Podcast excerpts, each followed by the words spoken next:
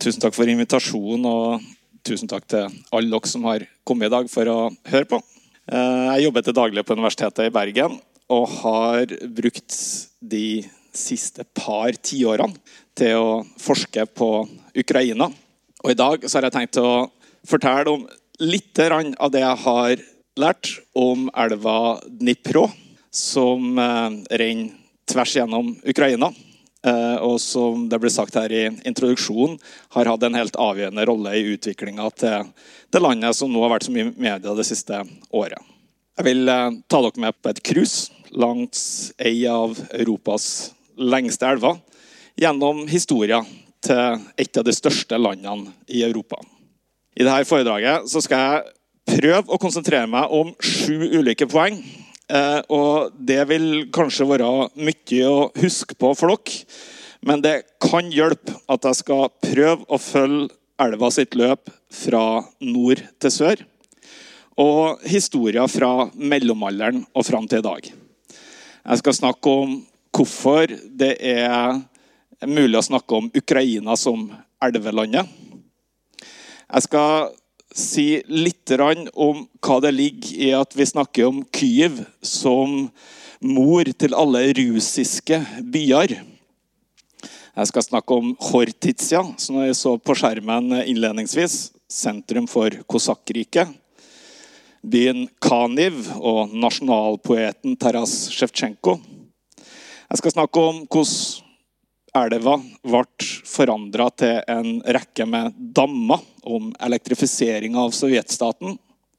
Jeg skal snakke om eh, kanalen fra Dnipro til Krimhalvøya.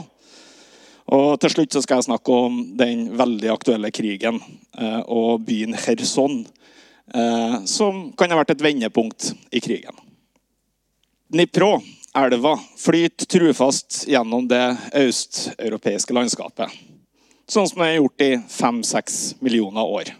Elva starter i ei lita torvmyr i Valdajhøgdene helt vest i Russland og flyter vestover gjennom et flatt skoglandskap før hun passerer grensa til Belarus. På belarusisk territorium vokser den seg bredere og dypere, og ved byen Orsja så vender elveløpet sørover. Like etter at elva har passert den ukrainsk-belarusiske grensa, så møter Dnipro sin mest vassrike sideelv, Prypjat, og blir til ei av de største elvene i Europa. Så passerer den Kyiv, hvor høyre bredd ruver over den venstre, og landskapet går fra blandingsskog til steppelandskap. Elveløpet tegner en S gjennom den ukrainske steppa. Essens konturer har blitt tydeligere i løpet av de siste 100 årene med vannkraftutbygging, som om noen har dratt en tjukk tusj over kartet. Essens nedre kurve eh, blir i dag stykka opp av seks storslåtte damanlegg som har skapt kunstige innsjøer der hvor elva tidligere fossa gjennom illevarslende stryk. Når vi kommer til halen på Essen, 2200 km fra Kjelda så flommer Dnipro ut i Svartehavet med en fart på 1700 kubikkmeter vann i sekundet. Dere la kanskje merke til at jeg snakka om elvas høyre og venstre bredd. Det er ikke en terminologi som er så vanlig for oss i Norge. Men når man snakker om elva Dnipro, så tenker man på høyre og venstre bredd. Høyre bredd er da den bredden man har på høyresida når man ser nedover elvas øh, flom. Sånn at man står med ansiktet mot der elva flommer ut, så har man høyre bredd. Vil si at høyre bredd er den vestlige, mens venstre bredd er den østlige. Nedbørsfeltet er det området som elva henter vann fra. For eh, Dnipro sin del så dekker det området 504 000 kvadratkilometer. Det er et område som er like stort som Spania. Kjært barn har mange navn, heter det. Det gjelder også for Dnipro. Russerne omtaler elva som Dnieper. Eh, belaruserne snakker om elva som Dnjapro. Og ukrainerne skriver Dnipro, sånn som jeg har skrevet øverst der. Eh, det er egentlig bare et uttrykk for at eh, det er forskjeller i uttale og rettskriving i de tre nasjonene som har veldig nært beslekta språk. Navnet er i praksis det samme. Mer interessant er egentlig det historiske utgangspunktet for navnet. Lingvistene mener at det skriver seg fra det iranske språket skytisk, eller saramatisk, som ble nytta av beboerne i steppelandskapet nord for Svartehavet i antikken. Ordstammen danu, som vi skimter restene av i begynnelsen av året, var et gammelt indoeuropeisk ord for elv. Og det er skyterne som har fått æren for å ha innført navnet Dnipro, som betyr enten elva på den andre sida eller djup elv. Avhengig av hvilke kilder man stoler på. Tenker vi tilbake til geografitimene på skolen, så legger vi merke til at mange av elvene i området har samme opphav fra den sagnomsuste Don i øst via sideelva til Don, Donetsk, som passerer gjennom byene Luhansk og Donetsk, til Dnipro, som vi snakker om i dag, videre vestover til Dnister, som danner grensa mellom Moldova og utbryterrepublikken Transnistria, og til slutt Donau i sørvest. Alle de elvene har denne stammen Danu som kjernen i ordet. Denne innsikta forteller oss minst to ting som det er verdt å merke seg. For det første, ukrainerne var slett ikke de første innbyggerne i dette området.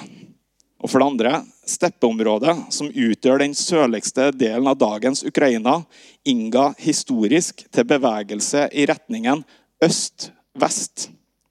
Denne plasseringa i krysset mellom elv og steppe, mellom Dnipros strøm fra nord mot sør og steppen som, seg, som strekte seg fra øst til vest, har vært med på å definere Ukrainas historie. Grekerne omtalte elva som Boristenes. Allerede på 400-tallet, før vår tidsregning, så omtalte historikeren Herodot den som en av verdens viktigste, hvis verdi bare var overgått av Nilen. Han skrev For med Nilen går det ikke an å sammenligne noen elver. Men av de øvrige er Boristenes den mest velsignelsesrike for den kan by kveget de skjønneste og rikeste beitemarker, har de absolutt beste og fleste fisk, leverer det herligste drikkevann og flyter rein ved siden av andre grumsete elver. Ved dens bredd vokser det herligste korn, og der hvor jorda ikke blir dyrka, det høyeste gress. Ved dens munning danner det seg av seg sjøl mengdevis av saltavleiringer.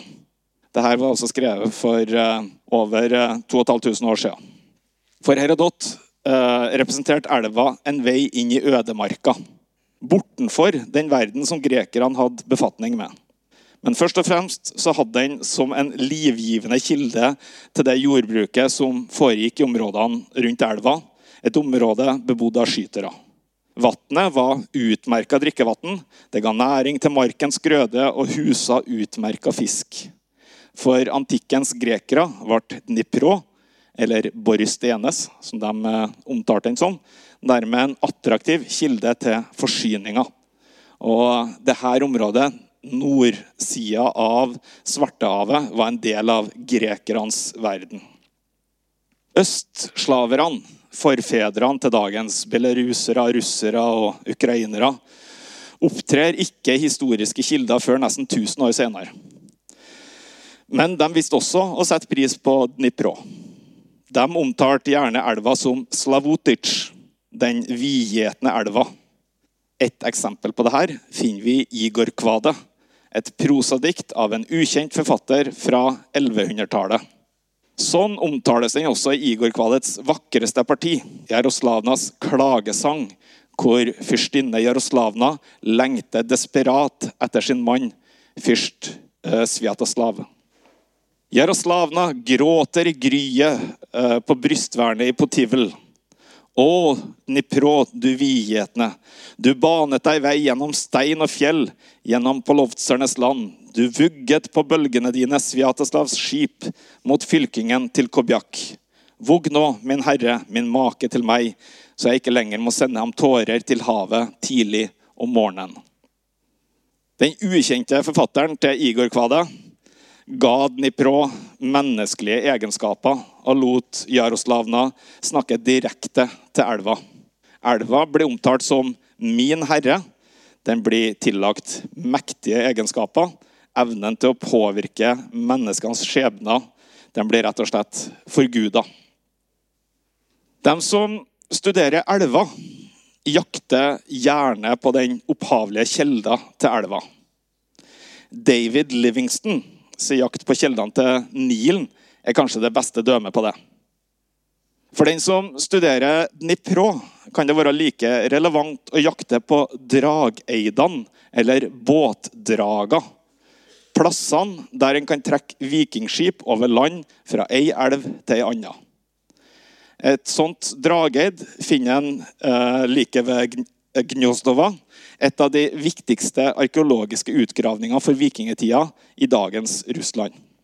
Og Det ligger helt nord i eh, elveløpet til eh, Dnipro. For ei reise på Dnipro er ikke bare ei reise gjennom den østeuropeiske geografien, men også ei reise i tid. I mellomalderen, da elvene var de viktigste europaveiene, var Dnipro og rekten som en autostrada fra Nord-Europa til Middelhavet. For vikingene ble Kyiv et naturlig stoppested på den ellers strabasiøse ferden fra Skandinavia til storbyen Bysants, som på det tidspunktet var verdens navle. Dette la grunnlaget for fremveksten av Kyivriket på 800-900-tallet.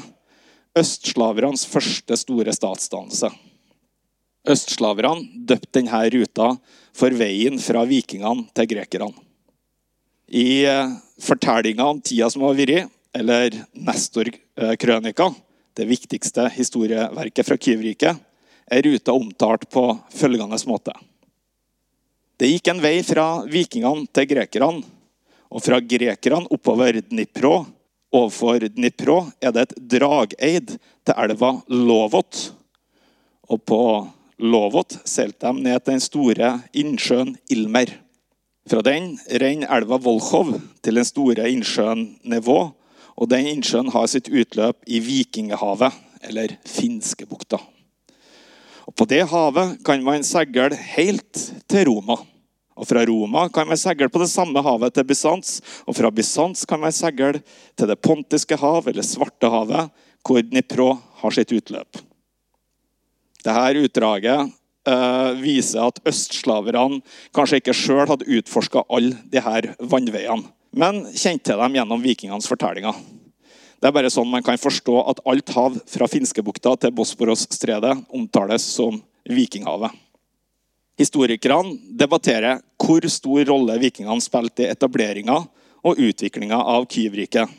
Men det er udiskutabelt at vikingene og østslaverne hadde et interessefellesskap. Pga. evnen til å forflytte seg over store områder med sine velutstyrte skip bidro vikingene til å styrke forbindelser mellom Kyiv som lokalt maktsentrum og det store internasjonale handelsnettverket som prega Middelhavet. Samtidig bidro uro i de østlige delene av Middelhavet til at bysanterne var avhengig av nye handelsruter. Elva hadde ligget der hele tida, men den teknologiske utviklinga og historiske omstendigheter gjorde ruta attraktiv. Den bysantiske herskeren Konstantin den 7. på eh, Fyrogenetos satte ord på hvor strabasiøs reisa langs Dnipro var for vikingene. I sitt kongespeggel De Administrando Imperio fra om lag år 950 skriver han om eh, både forberedelsene til reisen og forseringa av de lunefulle Dnipro-strykene. Interessant nok så skiller han mellom rusere på den ene sida og slavere på den andre. Rus, som ga Kyivriket sitt østslaviske navn, Kivskaja Rus, var betegnelsen på vikingene. Men navnet skulle etter hvert skifte referanse og bli brukt om østslaverne. Det er også opphavet for dagens Russland og Belarus. Dniprostrykene, skrev Konstantin, hadde både russiske og slaviske navn. Med illevarslende betydninger som 'ikke sov' eller 'kokende vann'. Og de måtte forseres ved at en enten trekte båtene langs bredden eller bar dem på skuldrene. Dette strykene nederst i Dnipro var ille nok i seg sjøl. Men båtfolket måtte òg være på vakt for portsjengerne, et steppefolk som lurte på dem ved det nederste og smaleste stryket.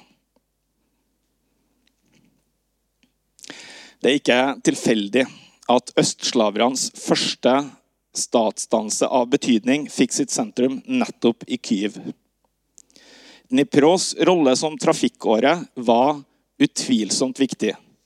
Men Kyivs betydning ble også styrka av to naturfenomener som preger Dnipro nettopp i denne delen av elveløpet. Skillet mellom den lave, venstre eller østlige bredden og den høye, høyre eller vestlige bredden, som på enkelte plasser langs elvas midtre løp hever seg et par hundre meter opp i lufta, og overgangen mellom blandingsskog og steppelandskap. Høgdedraget, som også preger byen Kyiv, ga ei strategisk viktig utsikt over det omkringliggende landskapet og skogen ei viss beskyttelse mot nomadene som hersker over steppene lenger sør. Sammen med den handelen som vikingene bidro til, eh, så gjorde begge disse naturfenomenene Kyiv til en metropol av alleuropeisk betydning i mellomalderen. Fortellinga om åra som har gått, er et av mange navn på ei krønike som ifølge forfatteren handler om hvor det russiske området kommer fra, hvem som først begynte å styre i Kyiv, og hvor rusriket kommer til å være. Disse litt underlige formuleringene avslører at vi snakker om ei omsetning av en gammel tekst, men gir likevel et godt resymé av krønika. Det viktigste sitatet for oss i denne sammenhengen er henta fra året 882, hvor det står at og Oleg slo seg ned i Kyiv og sa det her blir de russiske byene sin mor. Og i den var det vikinger og slovener og andre som kalte seg rus. Og Med det begynte Oleg å etablere byer og peke ut skatter for slovena, Krivica, Meri og vikinger. De russiske byene sin mor er en metafor. Men la oss bruke litt tid på hvordan vi kan forstå denne metaforen i lys av teksten han står i, og hvordan den kan forstås i dag. I krønika Eh, er forståelsen av ordet mor som opphav, den første, den som føder nye byer, tydelig. Eh, all den tid at den neste setninga handler om å etablere flere byer på samme sett. På denne måten så ser vi også betydningen som disse bydannelsene fikk for eh, dette området. Eh, som vi ser på kartet, så er og husker fra historietimene, så er den norrøne betegnelsen for dette området Gardariket. Og Gard, eller Garda det er eh, det samme ordet som man bruker på eh, østslavisk for by. Altså rike som er satt sammen av ulike bydannelser. Så det her byene som poppa opp etter hvert, eh, hvor vikingene hadde en viktig betydning, var helt sentral. Vi ser også det samme kjernen i ordet Novgorod, byen som ligger eh, litt lenger nord på kartet, og som betyr den nye byen. Så oppveksten av byer og vikingenes rolle i det var viktig for utviklinga eh, i denne delen av verden eh, i mellomalderen fra 800-tallet og utover. Og Kyiv var altså mora til alle disse andre byene. Men Kyivriket hadde sin tid og ble etter hvert en historisk eh, størrelse. For kosakkene noen hundre år senere ble samme strykene som vi snakka om i stad, en kilde til beskyttelse. De valgte like godt å legge sitt hovedkvarter til Hortitsa, den største øya i Dnipro, litt lenger sør i løpet fra Kyiv. For de her berykta Zaporozjye-kosakkene de tok også navnet fra Dnipros stryk.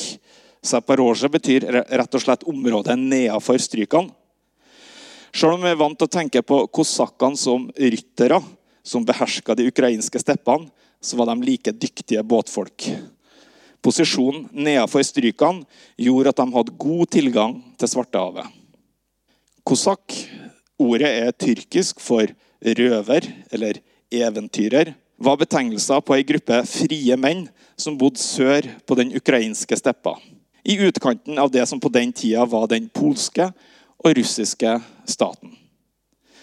De livnærte seg på eh, bl.a. det med å ta slaver til fange.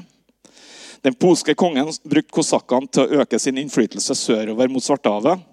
Mens kosakkene utnytta det maktpolitiske vakuumet mellom Polen i nord og det ottomanske riket rundt Svartehavet til å etablere sitt eget rike. Vi har nå bevega oss noen hundre år framover i tid, til 1600-tallet. Eh, og Kosakkene gjorde oppgjør mot den polske kongen og etablerte i 1648 det som i praksis var en uavhengig stat, det kosakkiske hetmanatet. Fordi dette var en stat som definerte seg som noe annet enn både Polen i vest og Russland i øst, så fikk den stor betydning for ukrainerne i de århundrene som fulgte, til tross for sin kortvarige eksistens. I realiteten hadde hetmanatet en autonom status i bare noen få tiår. I den sammenhengen er det geografien som interesserer oss. Vi ser at uh, hetmanatet dekker et område på vel 300 000 kvadratkilometer, med nettopp elva Dnipro som sin sentrale akse. På kartet ligner det derfor på en litt slankere utgave av dagens Ukraina. I andre halvdel av 1600-tallet mista kosakkene sin uavhengighet, og hetmanatet ble splitta mellom Polen og Russland. Elva gikk fra å være kjernen i kosakkstaten til å utgjøre grensa mellom de to naboene. På mange måter kan denne utviklinga stå som en metafor for ukrainsk historie i de påfølgende århundrene. Ukrainerne prøver å etablere en egen stat rundt Dnipro, mens naboene Russland og Polen prøver å utvide sin innflytelse øst eller vestover. Over de 400 siste årene så framstår Ukraina som et slags trekkspill som trekkes ut eller skyves sammen, avhengig av de storpolitiske strømmingene. Denne trekkspilldansen foregår fremdeles, og i disse dager med Donbass som hovedtema. Hvis vi beveger oss videre fra 1600-tallet og Kosrakk-riket, så ser vi at elva fortsatt hadde eh, stor betydning for ukrainerne på 1800-tallet. På bildet så ser dere den ukrainske nasjonalpoeten Taras Sjevtsjenko. En ukrainsk forfatter og maler. Han regnes som landets nasjonalpoet og var også en viktig mann i utviklinga av malerkunsten. Sjøl var han livegen fra fødselen, dvs. Si slave, men ble frikjøpt i 1838 for å kunne reise til Kunstakademiet i St. Petersburg for å studere, samtidig som han skrev dikt. Han debuterte i 18 1840 med diktsamlinga 'Kobzar', som ble etterfulgt av flere episke dikt, hvor han skildrer ukrainsk liv og historie. I 1847 ble han arrestert for revolusjonær virksomhet og dømt til ti års soldattjeneste. Tross skriveforbud så skrev han i disse årene bl.a. flere fortellinger. Han kom med sterke angrep på nasjonal og sosial undertrykkelse i flere av disse diktene. Sjevtsjenko har fått en unik posisjon i ukrainsk kultur som ei personifisering av landets uavhengighetskamp. Denne rollen er resultatet av hans egen bakgrunn som livegen, hans forvisning, men også av innholdet i de litterære verkene. Det er reist mer enn 1000 minnesmerker for han i Ukraina og resten av verden, men foreløpig ingen i Norge. I 1845 så foreviga Sjevtsjenko Dnipros betydning for den ukrainske nasjonen og brukte elva som et symbol for kampen mot de russiske okkupantene. Han beskrev Dnipro allerede i åpningsstrofene til nasjonaleposet Kobzar, Men like skjellsettende er her strofene fra det revolusjonære diktet 'Testament', som han sier. Når jeg er død, så legg meg i en grav blant de vide stepper i det kjære Ukraina, slik at jeg kan se og høre de brede jorder og Dnipro med sin bratte bredd, hvordan den buldrende buldrer. Når fiendens blod skylles av Ukraina ut i det blå hav, da vil jeg forlate jorder og fjell og fly lett som fuglen til Gud selv for å be. Men før den tid anerkjenner jeg ingen Gud. Gravlegg meg og reis dere opp, riv kjettingene av og stenk friheten i fiendens blod. Glem ikke, i den store familie, den frie og nye familie, og minnes også meg med små og milde ord. Sjevtsjenko uh, sier Dnipro-elv flyter ikke stille, men den buldrer buldrende, som han skriver. En mektig naturkraft. Elva blir tillagt rensende evner. Den skal vaske Ukraina ren for fiendens blod og framstår som en inspirasjon for det folkeopprøret som Sjevtsjenko oppfordrer til. Og Det er kanskje ikke vanskelig å forstå hvorfor også i dag Sjevtsjenko er en poet som ukrainerne venner seg til. Etter at han døde, så ble eh, ønsket hans oppfylt, og han ble gravlagd i den lille byen Kaniv, som i dag er en nasjonalpark og et minnesmerke for poeten. Litt sør for Kyiv, langs Dnipros bredd. Men om Sjevtsjenko omtalte elva som en naturkraft, så så vi også at 1800-tallet var tida for en modernisering. Og da intensiverte russiske myndigheter som styrte Ukraina på den tida, arbeidet med å kontrollere Dnipros løp. Elva var viktig som transportåre, og da dampbåter ble introdusert, økte effektiviteten og omfanget av vasstransporten, både varetransport og passasjertransport. Dnipro egna seg som transportåre, men det har alltid vært hindra av strykene nederst i elveløpet, som i praksis delte elva inn i to atskilte løp. Det øvre løpet og det nedre. Samtidig så, så vi også utover 1800-tallet at det ble en konkurranse med jernbanen. Den industrialiseringa som dampbåter og jernbane var en del av, skjøt virkelig fart for Ukraina eh, sin del etter at Sovjetunionen ble etablert i 1922. Lenin postulerte at kommunisme er lik sovjetenes makt pluss elektrifisering av hele landet. For uten elektrifisering er det umulig å få stabla industrien på beina. Dnipro var en attraktiv kilde til elektrisk energi, og bygginga av Dniprohes, Europas til da største vannkraftanlegg, eh, ble et av de store prestisjeprosjektene i Stalin. Eh, den første femårsplanen hans for perioden 1928 til 1933. Dammen ble anlagt nedenfor strykene ved byen Zaporizjzja. På den måten løste damanlegget to problemer på en gang. Det ga nødvendig strøm til tungindustrien, som var under utvikling i regionen. Og det sørga for å fjerne strykene som hadde hindra båttrafikken på Dnipro til alle tider. Ei sluse forbandt nå det øvre og nedre løpet av elva og gjorde det mulig for store fartøy å seile fra Kyiv til Svartehavet. Også for byen Zaporizjzja fikk dammen store konsekvenser. Byen firedobla innbyggertallet i løpet av en tiårsperiode.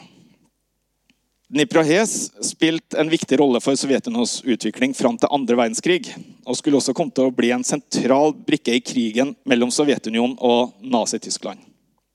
Da det sovjetiske sikkerhetspolitiet NKVD i august 1941 fikk nyheten om at nazistene hadde brutt Den røde armés forsvarslinja utafor Zaporizjzja, så sprengte de dammen i lufta. Resultatet var en flodbølge som tok livet av 1500 tyske soldater, men også mange sovjetiske soldater og et stort antall sivile. Tyskerne bygde opp igjen dammen, og kraftverket var i drift igjen allerede sommeren 1942. Men med endringene i krigslykken var det høsten 1943 tyskernes tur til å sprenge dammen i lufta ved hjelp av sprengstoff og flybomber.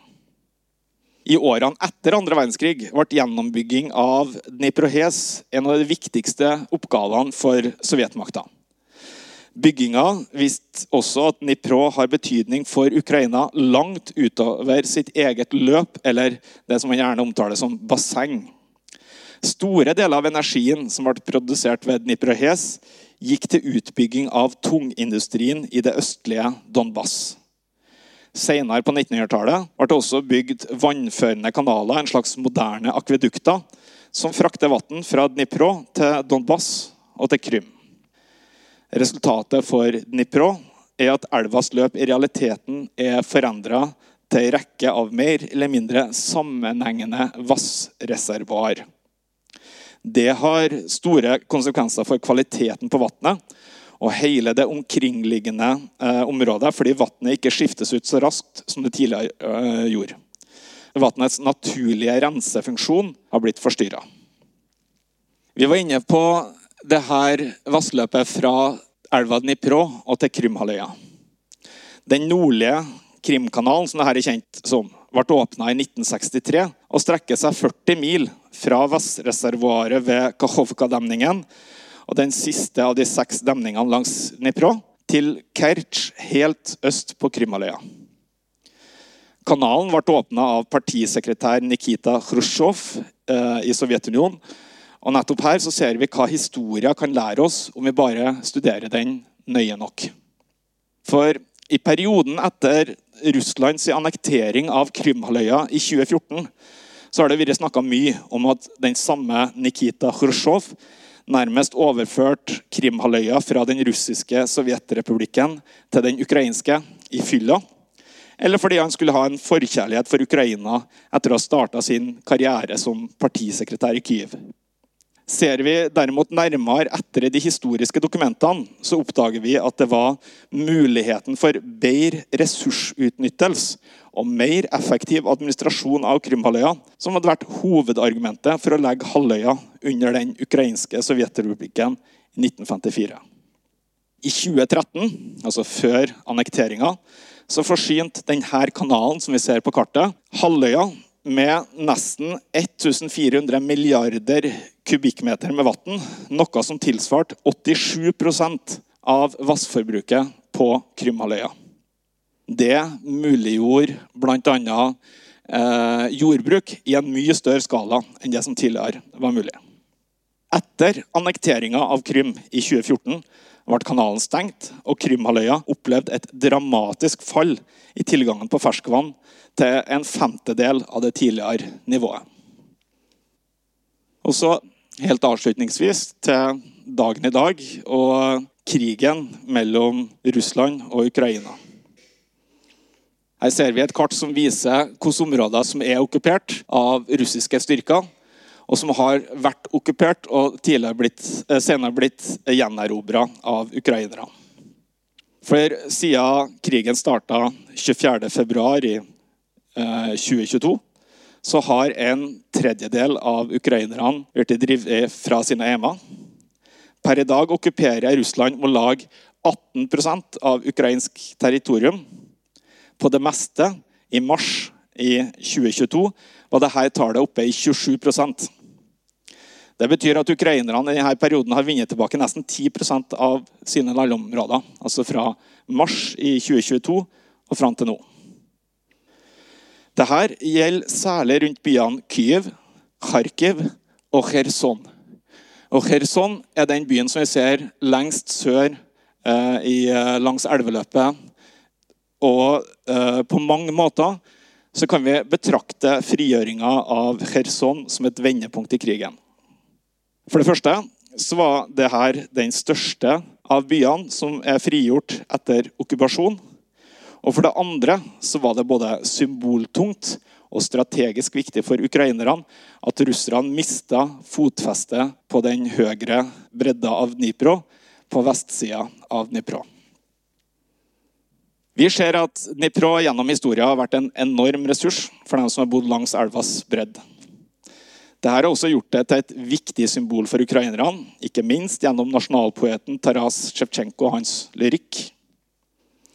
I lange perioder så var den pga. sin størrelse en særdeles viktig transportåre. Og denne Funksjonen bidro særlig til Kyvrikets framvekst i mellomalderen. Men den geografien bidro også senere til at det oppsto statsdannelser med elva som si akse. I senere århundrer har vi sett at vannet har blitt en viktig energiressurs. Damanleggene har danna grunnlaget for storslagen industrialisering og modernisering av det ukrainske samfunnet. Men det har samtidig forrykka balansen i økosystemet. Uten Dnipro er det egentlig umulig å tenke seg dagens Ukraina. Takk for at dere kom og hørte på.